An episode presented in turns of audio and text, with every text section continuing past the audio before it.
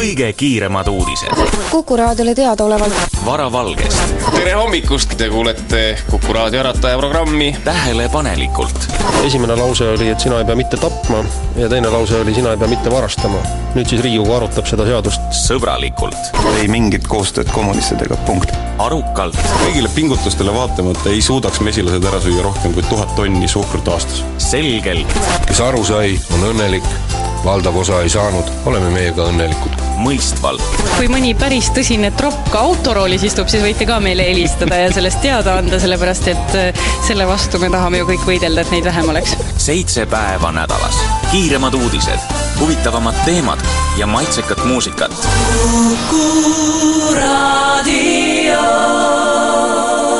mõtelda on mõnus. tegelikkuse keskus. see on saade, mis ei pruugi ühtida Kuku raadio seisukohtadega. www.silmalaser.ee tänu Silmalaserile sai saatejuht Juku-Kalle Raid lõpuks ometi teada, kus Kuku raadio on. tere hommikust, head inimesed! tegelikkuse keskus alustab ja täna me räägime keskkonnast. muuseas, me räägime keskkonnast kõige laiemas mõistes, siis tähendab äh, ka sellest keskkonnast, millega võib-olla iga inimene iga päev kokku ei puutu, aga mis siis äh, tõepoolest meid kõiki mõjutab. sestap on meil telefonil Matsalust erikorrespondent Alex Lotman, tere Alex! tere!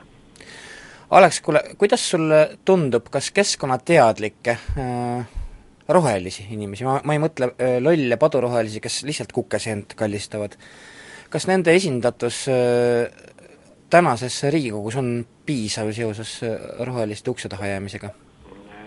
Vastus on väga lihtne, loomulikult mitte.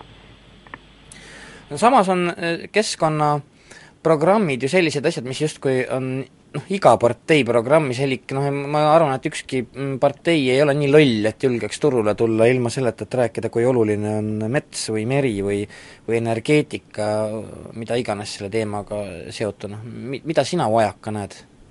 aga oled sa vaadanud, kui palju nendest äh, lubadustest näiteks üks või teine on täitnud siiani varasemates äh, koosseisudes? olen vaadanud küll suhteliselt nadilt. ja eriti veel keskkonna osa mm. -hmm. kuule, Alex, teeme kõigepealt hea tuju, räägi, sa oled Matsalus, ütle, keda sa näed, mis, mis lindu lendab? oi, lindu on laekunud juba päris palju, aga hetkel ma olen kodus, kodus telefoni taga ja nagu hetkel väga palju kedagi ei näe, aga aga õue minnes näeb küll hanesid, küll luiki, küll, küll rästaid, küll, küll punarinde, nii et on, on. kuule, aga minnes siis tagasi selle keskkonnakaitse ja, ja ütleme, eluviisi juurde, mis võiks olla keskkonnateadlikum, oskad sina ise nimetada mingid punktid, mis on täiesti alaesindatud uues Riigikogus? mis sulle esimesena pähe kargavad? Esimesena pähe karv-, kargavad, mis, mis on alaesindatud? noh, alaesindatud on näiteks teadmine looduse mitmekesisusest ehk elurikkusest ja sellest, kuidas seda säilitada. no täpsusta. mida siin täpsemalt saab öelda? sa ei pea olema nii kidakeelne, eks ole, räägi nii, nagu sa räägid tavaliselt ära ehmata ära, et see on otse-eeter. ei, ega ma ei olegi ehmatanud, aga, aga ma ei näe tegelikult äh, mitte ühegi erakonna programmist ega ka noh, vaadates praegust, praegust koosseisu, mida sina nüüd paremini enda ümber näed kui mina igapäevasemalt, sellist selget teadmist, arusaamist sellest, et looduse elurikkus on tegelikult meile hädavajalik, et Eesti on looduse poolest rikas, et see on meie suur võimalus ja et see ongi meie, tegelikult meie tulevase säästva või noh, vähegi jätkusuutliku arengu alus mm. -hmm. no aga kui me läheme veidikene konkreetsemaks, noh, elurikkus on niisugune suhteliselt lai mõiste, et seda võiks täpsustada. ikkagi kus, no ütleme, kus kohas on punktid, millele peaks suruma äärmiselt kiiresti, sinu arvamust mööda mm.? Neid, neid asju, mida tuleks hakata, hakata lahendama, on, on üsna palju, no üks on, on ehk vigade paranduse vajalikkus, äh, mille nüüd praegune Riigikogu sai eelmiselt päranduseks, ehk siis äh, natuke kiirustades vastu võetud metsanduse arengukava, kus küll metsade elurikkus nii-öelda märksõnade tasemel on, on just, justkui sees, aga aga tegelikult, tegelikult kui vaadata neid reaalseid tegevusi või, või seda, mida seal reaalselt kavandatakse, Eh, siis, eh, siis seda, neid meetmeid on seal selgelt liiga vähe, ta on selgelt nii-öelda raie poole kaldu. sellega ma ei ole taht-, ei taha muidugi öelda seda, et metsa ei tohikski raiuda, loomulikult tohib, et mets on, on Eesti selline väga oluline taastuv loodusvara ja seda saab loomulikult kasutada väga erineval viisil, millest üks on ka metsade raie aga praegune metsanduse arengukava selgelt alahindab metsa kui, kui keerulist ja olulist looduslikku elupaika, alahindab metsa elurikkust ja näeb seda liigselt, liigselt äh, üksnes puidu varumise no, varumise äh, kohana. siis teine, teine suur valdkond, millega kindlasti tuleks hakata lähiajal tegelema on meie ruumilised planeeringud ja see, kui palju ja kui mitmekesist äh, elu nad võimaldavad siin nii inimestele kui teistele elukatele. ja eriti tuleb hakata üsna kiiresti täitma seda õigusvaakumit või õigusauku, mis on meil merealade ruumilise planeerimisega.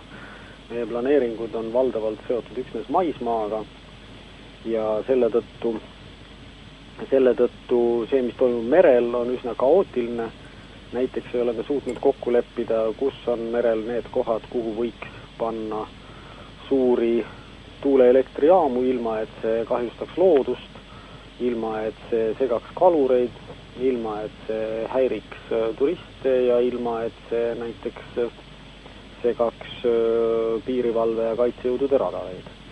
Sellised kohad on merel olemas, aga nad tuleb leida ja kokku leppida ühiselt. Äh, ehk siis merele ja üldse igasugustele ruumilistele looduskasutuse asjadele tuleb läheneda süsteemselt, mitte niimoodi, et üks karjub, et tema tahab siia ühte ehitada, teine karjub, et siia ei saa seda teha, sellepärast et see jääb radarile ette ja nii edasi nojah, mis puudutab veel metsa, siis muidugi me ei saa unustada, et see on küll taastuv loodusvara, aga taastub paraku aeglasemalt, kui me kõik tahaksime. eks see ka sõltub jälle metsast, selles suhtes, et kui metsanduse arengukavas rõhutatakse, et meie metsad on alaraiutud, siis see on osaliselt tõde, aga see on natuke poolikult välja öeldud tõde, nimelt nimelt kindlasti kasvab Eestis halli leppa. Kõvasti just, aga okaspu-, aga okaspuiduga on lood no sitad et halli leppa ja enamikke pajuliike rohkem, kui me raiume, ja seal on väga suur, tõesti väga suur kasutamata ressurss, muuhulgas ka energeetiline ressurss mm. -hmm. Aga teisest küljest äh,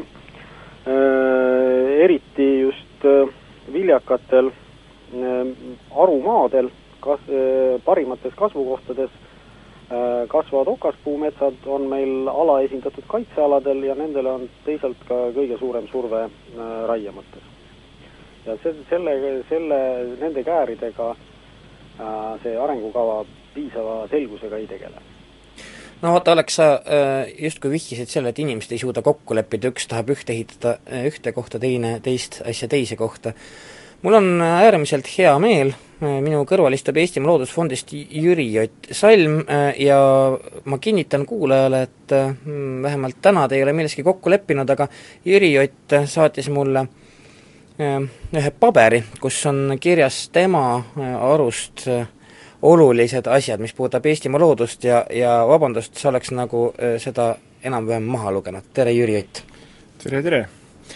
et võib-olla oleks Lotman ongi need asjad maha lugenud, sest need punktid tegelikult sisalduvad Eesti Keskkonnaühenduste Koja poolt tehtud soovitustel siis kõigile erakondadele ja käsitlesid siis meie arvates neid olulisi vajakajäämisi, mida võiks siis arvestada uue valitsusprogrammi koostamisel ja, ja me loodame, et et need ka arvesse võetakse ja siin me näeme just, et seda selgitustööd nähtavasti on väga palju vaja teha, et nendele kokkulepetele jõuda just. et kui me räägimegi jah, metsast, siis tõepoolest me näeme, et metsatööstus ja tihtilugu ka väga palju poliitikuid näevad näiteks seda, et äh, majandusmetsades me ei peagi rääkima looduskaitsest, et looduskaitsest me peame rääkima üksnes äh, kaitsealadel.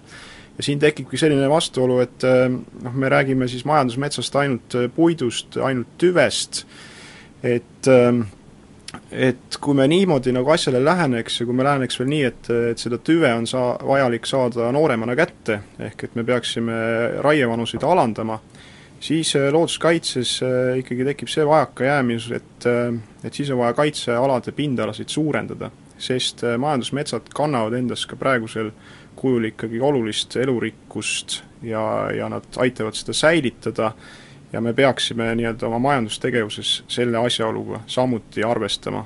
kui me seda ei tee, siis nii-öelda kokkuleppe saavutamine looduskaitse ja, ja majandussektori vahel on väga kesine tulema, et see on näiteks üks selline üks selline asjaolu, mida siis siin metsanduse arengukava puhul ka saab ette heita koostajatele ja ka selle vastuvõtmisele. nojah äh,, sa rääkisid, et mm, vaja on teha selgeks, vaja on, no seesama dokument, millega siis ka mina tutvusin, eks ju, mis on saadetud kõikidele erakondadele tõepoolest laiali, millega võiks arvestada, aga et vaja on selgeks teha, vaja on, tead, usu mind, normaalse inimese jaoks isegi siis, kui ta armastab, et puu läheb lehte kusagil, on mets, on mets, eks ju. et mil moel seda ikkagi selgeks teha, et äh, liigid erinevad, kohad erinevad, asjad, mida tuleb hoida, erinevad. no siin ongi tegelikult see on ju tegelikult, peaks ju olema puhas sinu lobi, Eesti Loodusfondi lobi. ütlemegi nii, et äh, loodusteadlased on selle asja nagu selgeks teinud, et kui palju Eestis elavate äh, metsaliikide säilimiseks siis oleks vajalik kaitsealuste, rangelt kaitstavate metsade pindala ja see on kümme protsenti arvutatud välja. nii, ja täna? ja täna on see kümmekond protsenti enam-vähem igast kasvukoha tüübist. see pisut varieerus, aga ligikaudu kümme oli ta kõikjal. ja, ja seal ongi kõige suurem vajakajääk, et kümmekond protsenti metsadest Eestis tegelikult on kaitse all, isegi pisut rohkem, aga just needsamad äh, heades kasvukohtades olevad okasmetsad, millel on kõige suurem majandussurve, on ka kõige roh-, need on just alaesindatud. ja kui me nüüd äh, räägime, äh, kui me nüüd peaksime lubama seal veel intensiivsemat majandamist, kui seal juba täna käib, siis tegelikult tähendab seda, et seal oleks, peaks olema äh, see rangelt kaitstavate protse-, alade protsent veel suurem, sest äh, sest ega äh, ei ole võimalik säilitada metsade elurikkust nii, et kümmekond protsenti metsadest ongi kõigi võimalike elukate elupaik. see kümmekond protsenti on vajalik eelkõige sellest, et selleks, et kaitsta nende liikide elupaiku, kes esinevad ainult kõige vanemates metsades. -hmm. ja, sest kõige vanemaid metsi selgelt tulundusmetsas ei ole, need raiutakse enne maha. Ja kui nüüd äh, peaks äh, puidutööstuse survel juhtuma see õnnetus, et meil alandatakse raievanuseid, mida ma küll loodan, et ei juhtu, et no see oht on muuseas väga tugev ju. riigikogul ma loodan, et nii palju on mõistust, et seda ei lubata, aga kui see peaks juhtuma, siis tuleb, tuleb kindlasti veel rohkem metsi kaitse alla võtta, sest et siis nii-öelda nende elukate protsent, kes suudavad elada ainult kaitsealadel, läheb suuremaks. No fakt on ju see, et, et see on mõnes mõttes Pandora laeka avamine, et, et kui üle majandada, siis pärast tuleb rohkem kaitsta ja tegelikult kannatab seesama metsamajandus hiljem noh, kui me Port-, Portugali kombel ei, ei hakka kõike lihtsalt maha raiuma, mis äh, riigis on aga no ma näitlikustaks seda nõnda, et äh, kui me räägime sellest elurikkusest majandusmetsades, et kas me siis äh, noh, võtame enda tegevust, et me kodus nii-öelda tekitame omale sellise normaalse elukeskkonna, kus meil on, hoiame puhtust, meil on seal igasuguseid erinevaid asju, ja siis kui me läheme tööle, et siis me justkui kõigist nendest kriteeriumitest taganeksime, et lähme siis sinna mingi tossu sisse, hingame seda kogu aeg sisse kogu oma kaheksatunnise tööpäeva jooksul, me jääme haigeks, me peame minema haiglasse lõpuks, et noh, siin ongi see erinevus, et eh, nii-öelda me peame väga ikkagi... hämar näide, ma ei saanud mitte midagi aru.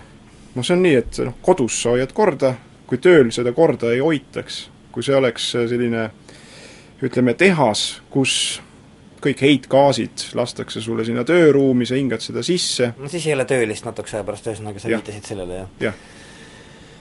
eks ta ole mm,? Minu vasakul käel istub Andres Tarand. tere, Andres, Harju tänavalt! no sa kuulasid nüüd äh, Aleksi ja, ja Jüri Oti äh, lugu, sa võid ilmselt sekundeerida, võid? no ma võiks selle poolest, et kuigi pool tõde on juba öeldud, aga minu arvates on üks põhiline viga, mis on nüüd selle vabariigi teise vaatuse nagu äh, veidi viltu kiskunud, on ütleme kas või filosoofia, millega lähenetakse. nimelt oli meil üheksakümnendate keskel, kujunes välja üks väga tubli loosung, et turg paneb kõik paika ja ma ei taha siin rääkida nüüd sellest, et ta ei ole üks väga hea mehhanism, sajandite jooksul proovitud, et nõudmine, pakkumine, kaubavahetuses ja nii edasi on parim mehhanism, mis seni inimkond mida meie tunneme. jaa, mida me tunneme. aga igasse elusfääri, mis on siiamaale eh, kangesti tungid teistesse elusfääridesse, kus ei saa olla põhiline kriteerium ja loodus on üks niisugune, kus üks niisugune väga alusprintsiipidest mitmekesisus Alex ütles seda otsekohe, eks mm. -hmm.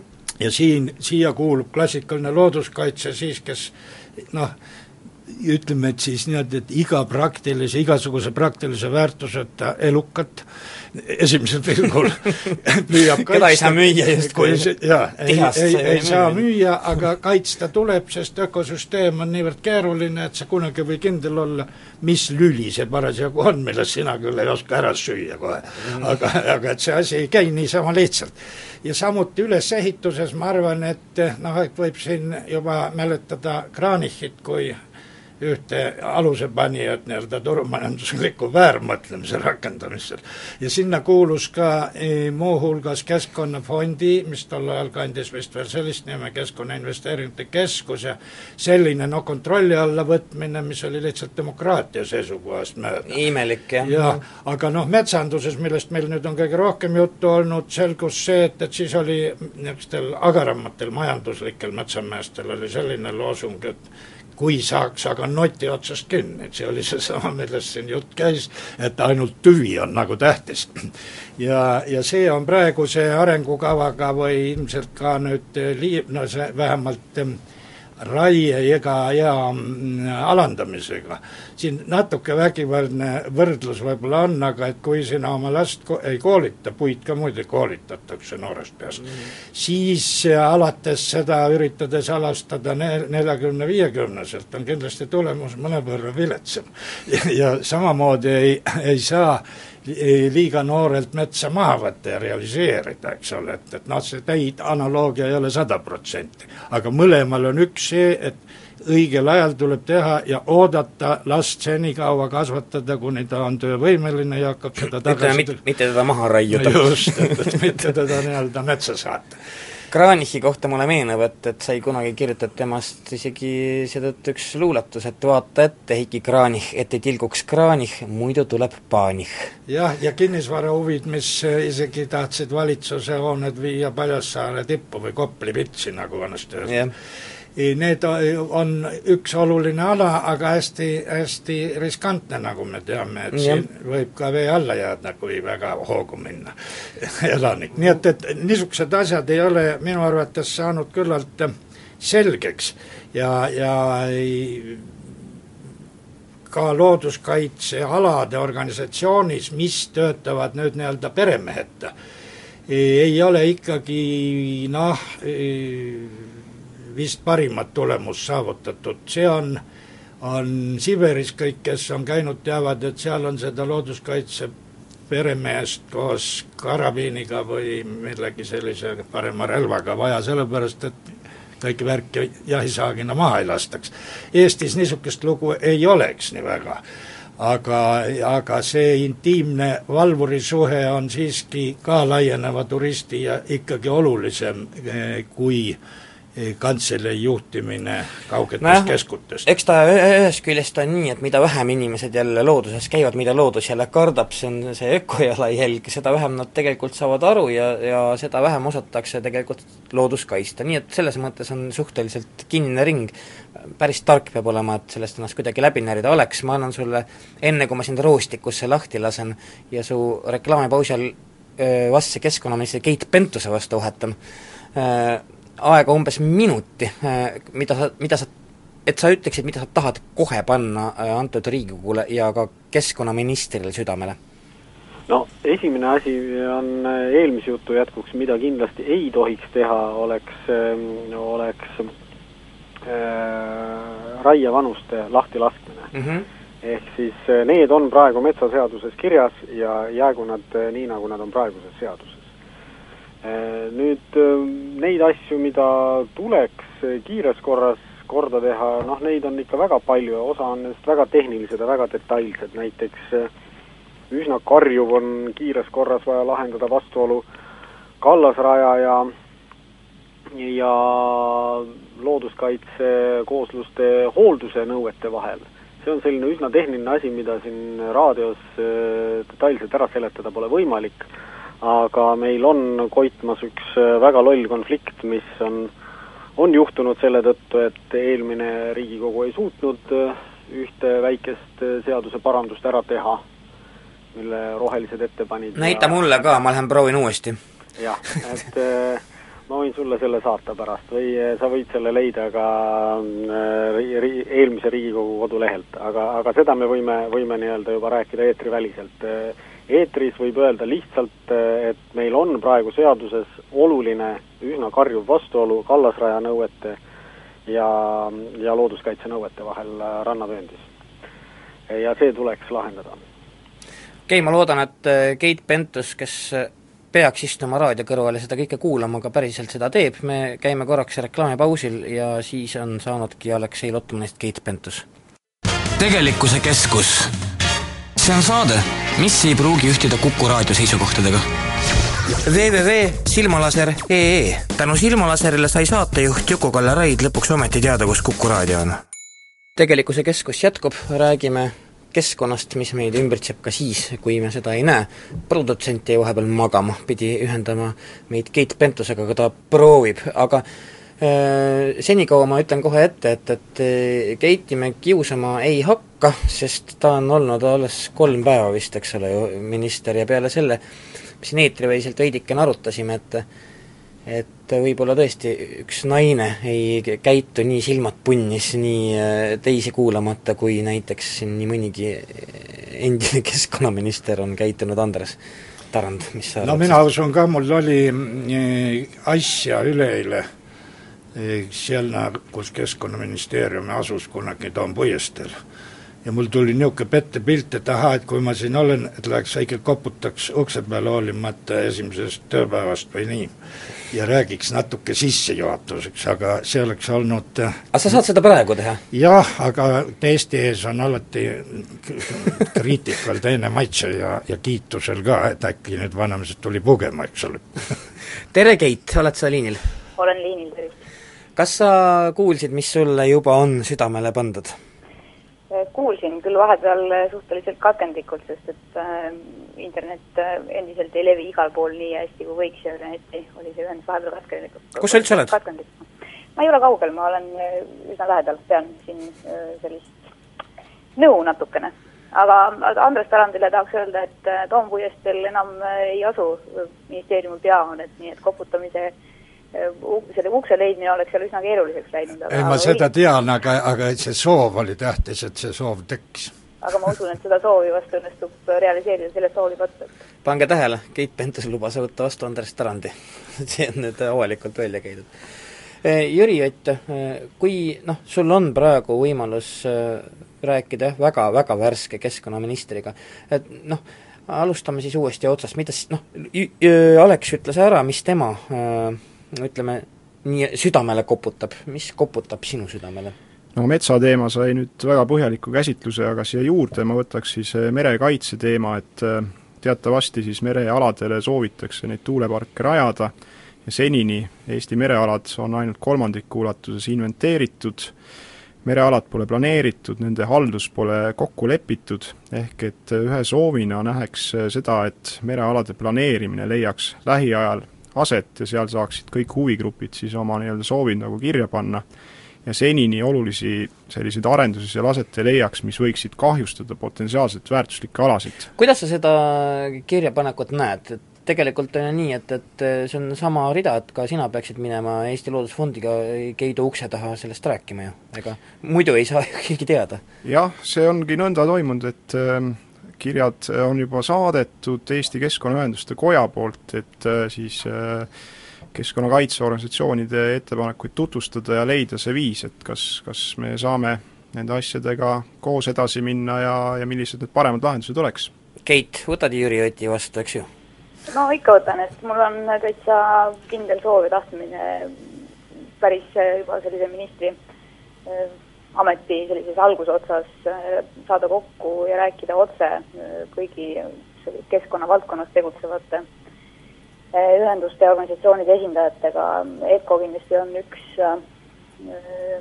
kellega tahaks väga tõsiselt nõu pidada ja, ja kuulata neid ettepanekuid. ma loomulikult ei saa anda seda lubadust, et kõik ettepanekud kohe realiseeruvad, aga, aga ma pean mõistlikuks seda no kiiresti sünnivad ainult kassid, eks ole ju, seda me teame ka vene klassikast ja, ja, ja isegi siis nad ei pruugi sündida alati. aga hea tahe on kindlasti kolmveerand asja. Keit, ma küsin sult korraks lihtsalt puhtalt isiklikust uudishimust veidikene teemavälise küsimuse, mis tunne sul on nii keerulises valdkonnas toimetada, nagu seda on keskkonnaminister, see on ju jube, see on kõige ressursimahukam asi üleüldse, mis meie, meie vabariiki on tabanud.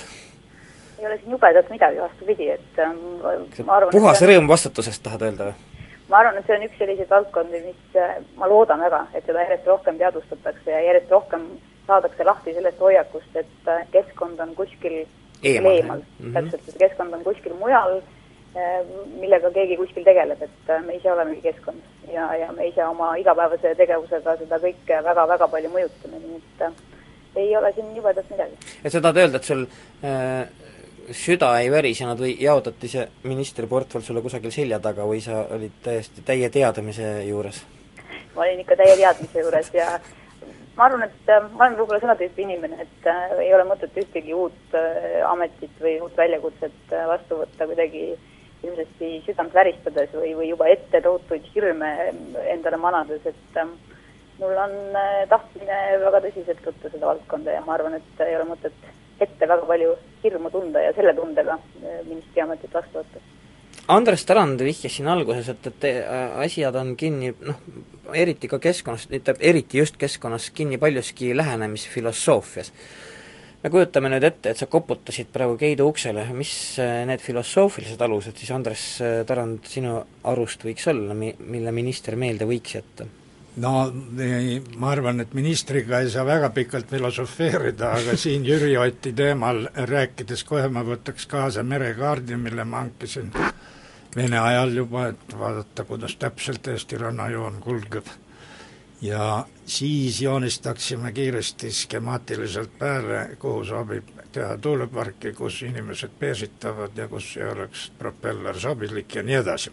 tähendab, põhimõtteliselt ei ole töö raske, raske töö on ja mis tavaliselt ministri kaela lähebki, kõikide huvirühmade lepitamine ja. ja kompromissi saamine ja see on üks suurepärane kool, kui sellega kohe peale hakata. seda võib nimetada planeerimiseks, aga sellel sõnal on saateks alati natuke vastik maitse, et äkki mis viie aasta jah, just, seitsme aga, aga teiselt poolt ütleme, et selle planeerimatuse musternäidis oli meie monopol Eesti Energia, kes käratas kaks tuhat kaheksa kevadel, et kõik rannaalad tuleb talle reserveerida. vot, vot noh see oli täitsa masendav juhtum no, et kui on sellised arusaamised, siis, siis ikka parem katsume ära hoida ja see õnneks hoiti ära kuidagiviisi. Jüri Ott? no siia juurde, kui sa mainisid Eesti Energia, siis ma arvan, see oleks üks keskkonna valla suurimaid väljakutseid, sest teatavasti Eesti Energia on see meie ökoloogilise jalajälje suuruse põhjustaja, mis on maailmas teises kümnes ja siin tuleks aru saada, et kui palju ikkagi Eestile on vaja põlevkivi ja kas see, et äh, põlevkiviõlitööstusi hakatakse rajama Eestis ja äkki kõik see tööstuse produkt läheb ekspordiks, et kas see meile ikkagi tagab energiajulge, julgeoleku ja kuivõrd õigustatud siis ikkagi on see, et me neid suuri auke sinna Ida-Virumaale kaevame, ohustades sealseid sookaitsealasid, suurendades endiselt lõppkokkuvõttes me ei tea, kuidas põhjavesi käituma hakkab, isegi siis, kui me enam-vähem teame, kus ta on ja kui sügaval. jah, et siin peaksime, noh, see merealade planeering oleks ka üheks viisiks, kuidas leida nagu alternatiivsetele energiaallikatele nagu kohta. aga tuleks ka läbi analüüsida see, et kui palju on biomassi ressurssi, väga heaks näiteks on nelja maakonna tuuleenergia planeering Saare, Hiiu, Lääne ja Pärnumaa, kus nad tegid seda maismaal, aga nad ei saanud just teha seda merealadel, sest merealadel haldusjaotus ei ole toimunud, et keegi seal nagu toimetada otseselt ei saa. ehk et siis jah, põlevkivi kaevandamine ja siinkohal keskkonnaorganisatsioonidega me ikkagi sooviksime, et need kaevanduslimiidid läheksid väiksemaks ja seda on ka ette nähtud põlevkivi kaevandamise arengukavas, et nad võiksid jõuda sinna viieteist miljoni tonnini aastas vähemalt, et praegult ongi see soodusmoment, kus tööstus veel seda ressurssi ei kasuta eh, väga üle viieteist miljoni tonni aastas, ehk et kui praegult see piirang panna, siis see hoiaks ära ka need võimalikud investeeringud, mis teeksid äh, nii-öelda tööstusele sellise olukorra, kus nad vajavad põlevkivi järjest enam. No ja ütleme siis, et, et kui seda kohe teha, siis ei jää pärast keegi rahast ilma. jah, sest me ei saa öelda, et äh, kellelgi tõmbame nagu jala alt ära. muuseas, Keit, äh, ega see energeetika on Eesti loodushoius ilmselt jah, tegelikult probleem number üks, eks ole ju? ja no eks see ongi mitte ainult loodushoiu mõttes, aga, aga üleüldiselt Eesti arengut siis silmas pidades üks äh, lähiaastate ilmselt kõige olulisemaid teemasid. Põlevkivi arengukavas küll lihtsalt hetkeks tagasi tulles on mahuks, aastaseks mahuks praegu või piiriks ees kakskümmend miljonit tonni on pikaajaline siht selle mahu vähendamise suunas, mis äh, kindlasti ongi mõistlik siht.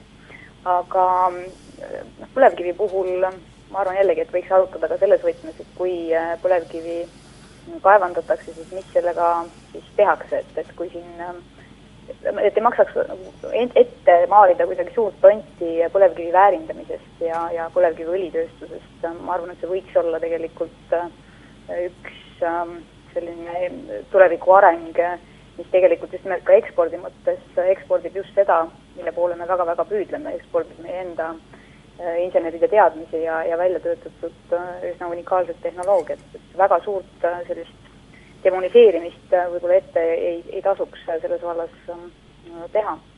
aga, aga energeetika teema laiemalt ja, ja jah, see, kuidas järjest ähm, rohkem motiveerida energia tootmist ähm, ikkagi vähem fossiilsetest allikatest, see on igal juhul teema ja, ja see ei ole sugugi mitte ainult Äh, tuulikute teema, tuuleenergia teema, vaid, äh, vaid laiemalt taastuvallikate kasutamise võimaluste ütleme siis äh, suurem või lai, laiendamise teema. noh jah, eks see on riskide hajutamine ja sellest peaks saama aru iga vähegi mõelda oskav inimene, aga Keit, sa ei kujuta ette, kui õnnelik nägu oli peas Andres Tarandil, kui sa ütlesid, et, et jah, et mõistlik on seda põlevkivi kaevandamise mahtu ikkagi vähendada, Andres? no kakskümmend aastat tagasi töötas veel Ülemnõukogu, see viimane nendest yeah.. Ja seal me saime maha niisuguse otsusega, et see piirang oli viisteist miljonit tonni, siis tuli muidugi täisvabadus ja kõik need vanad asjad, dokumendid unustati. aga me oleme selle viieteistkümne miljoni juurde tagasi tulemas me õnneks. oleme tagasi tulemas ja, ja noh, kuna kaks uut ahju on ehitamisel peaaegu, siis olgu nad, ma ei ole kunagi öelnud, et peaks täiesti järsult likvideerima, aga tuleb siiski öelda, et üle kümne aasta on asjatult rabeldud ja selle juurde oleks saanud meie teadmiste põhjal täiesti ammu tulla juba. ükski rabelemine ei ole asjata, sellepärast nagu me teame, kui sa kõvasti sporti teed, tuleb ka medal. tegelikkuse keskus. see on saade, mis ei pruugi ühtida Kuku raadio seisukohtadega www.silmalaser.ee tänu Silmalaserile sai saatejuht Juku-Kalle Raid lõpuks ometi teada, kus Kuku raadio on tegelikkuse keskus jätkub, mm, stuudios on Jüri Ott Salm Eesti Loodusfondist, Keit Pentus värskest, mm, värskelt keskkonnaministri taburetilt ja Andres Tarand Harju tänavalt. Juku-Kalle Raid olen mina. Enne rääkisime siin pisut et äh, sellest, Keit, sina õigemini ütlesid, et äh, äärmiselt oluline on aru saada, et äh, noh, keskkond, kus me elame, ei ole kusagil eemal, eks ole ju, mitte ainult loodus, vaid üleüldse elamisväärne keskkond, vaid see tegelikult tabab meid ju iga jumala päev. ja Andres Tarand jälle mainis, et jah, ega sinu ministri taburet on mm, ikka väga kolme jalaga, kui mitte kahega, selles mõttes, et raske seal saab olema erinevaid huvigruppe lepitada. aga kui me nüüd korraks selle asja ära unustame, on sul endal midagi eriti südamel, mida sa sellel taburetil korda saada sooviksid, Keit? no ikka on valdkondi, mis on, on südamelähedased maad või südamelähedased, aga lase käia. Nagu sa ka ise mainisid, siis äh, ma olen praegu olnud ametis kaks ja pool päeva. jah, ma tean. ja, ja kõik, ma ei taha aga sa ei läinud sinna ju tühja südamega ometigi? ei, absoluutselt mitte, aga ma ei taha ka täiesti teadlikult öelda enne väga detailseid plaane välja, kui ma olen tõesti ähm, saanud kokku, pidanud nõu äh, ka kõigi selle valdkonna inimestega. ja tänaste saatekülalistega unustada, eks ju? täpselt, et mitte kõigi inimestega, aga, aga nende esindajatega, nii et äh, et ma tahan kõigepealt äh, ka väljastpoolt tulevad ettepanekud ära kuulata ja, ja siis ütlen võib-olla juba, juba pisut konkreetsemalt, et esimesed sada päeva vast selleks olema peaksidki. aga ka tänasest saatest juba, et äh, metsanduse teemast oli küll hästi palju juttu äh, maavaradest, põlevkivist laiemalt, aga ka planeerimisest, et et mis puudutab merealade planeeringut, siis noh, sellest ei ole pääsu, et see tuleb igal juhul, sellega tuleb tegeleda aga ka planeeringute puhul ikkagi räägime ka sellel, sellest, mis maismaal toimub ja, ja planeeringute planeerimine on, on üks osa sellest samast keskkonna kujundamisest, minu arvates väga tähtis osa.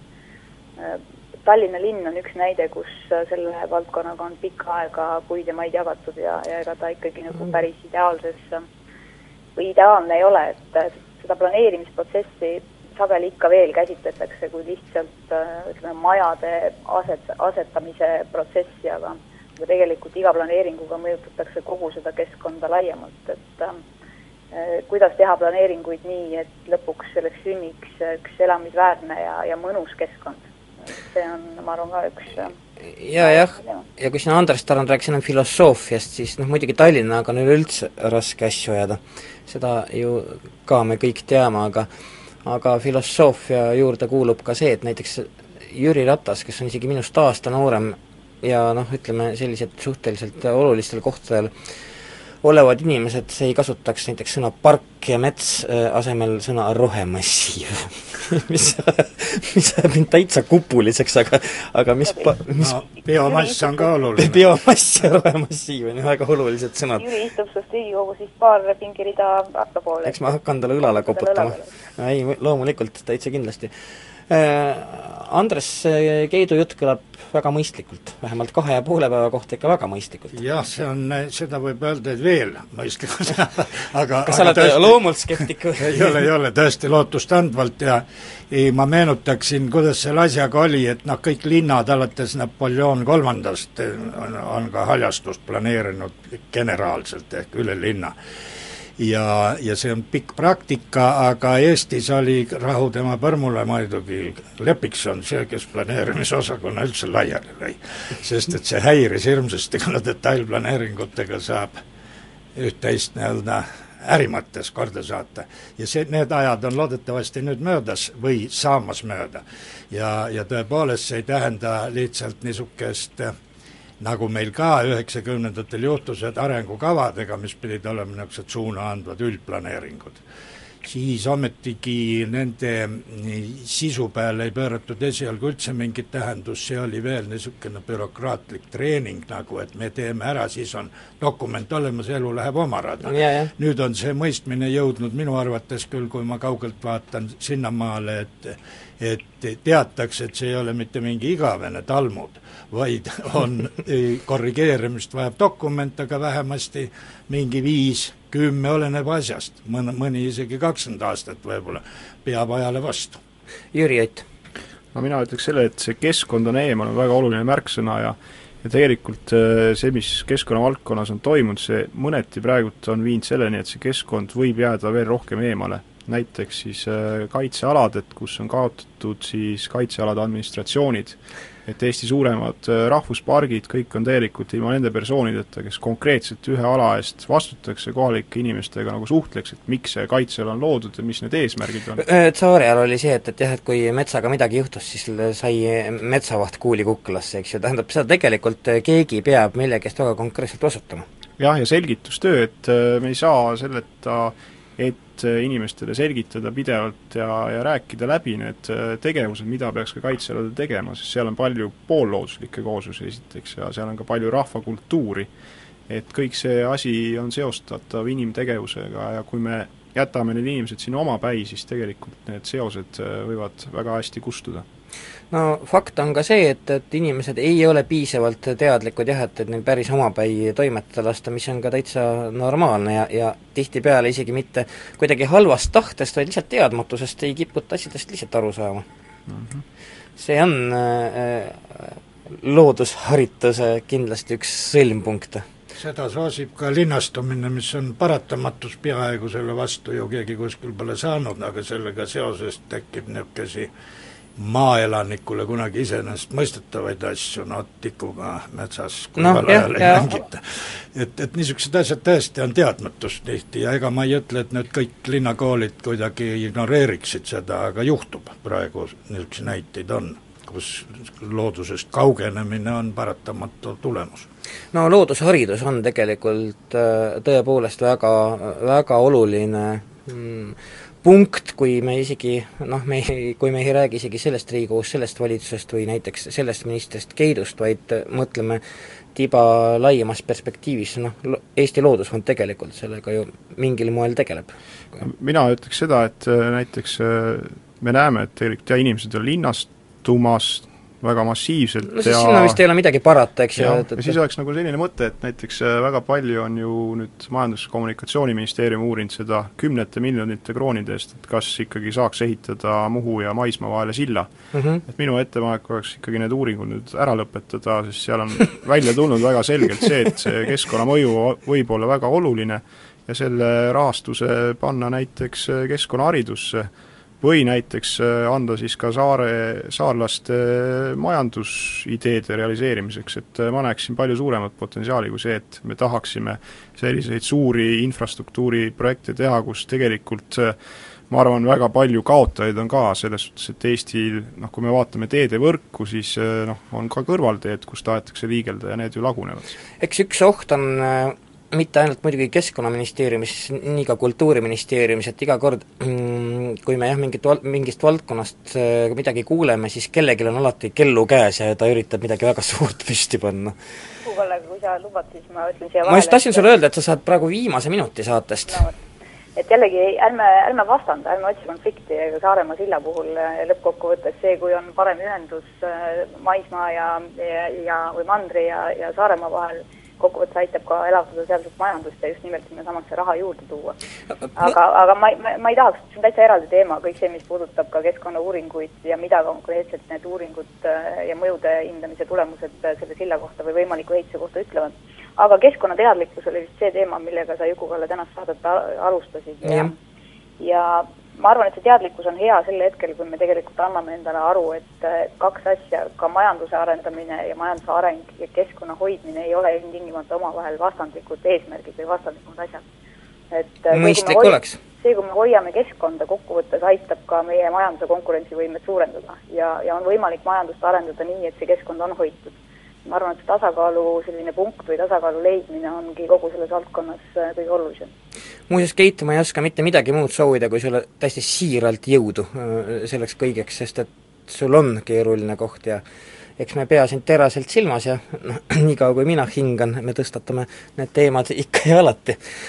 aga jah, tegelikkuse keskus on uuesti nädala pärast, meil äh, oli täna stuudios äh, Jüri Ott Salm Eesti Loodusfondist, Andres Tarand Harju tänavalt, Keit Pentus keskkonnaministri taburetilt ning saate alguses telefonil ka Alex Lotman Matsalust. jääb lõpetama laul, mm, mida, kuhu tahaks väikeseid korrektiive, meil Aiaäärme tänamas, kui armas oli see, ma tahaksin selle sõna oli asendada sõnaga on aga seda laulu interpreteerib Bonzo. kohtumise nädala pärast. kus kaste heinas põlvini me lapsed jooksime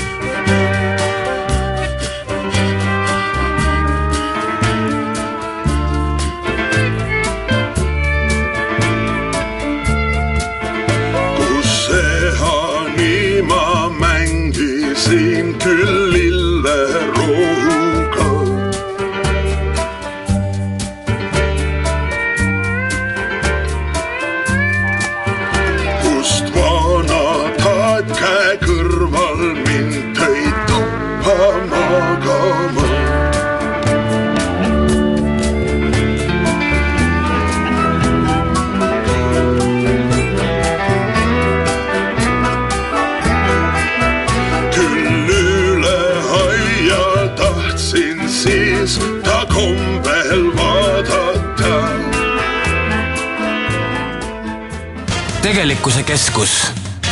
see on saade, mis ei pruugi ühtida Kuku raadio seisukohtadega. www.silmalaser.ee tänu Silmalaserile sai saatejuht Juku-Kalle Raid lõpuks ometi teada, kus Kuku raadio on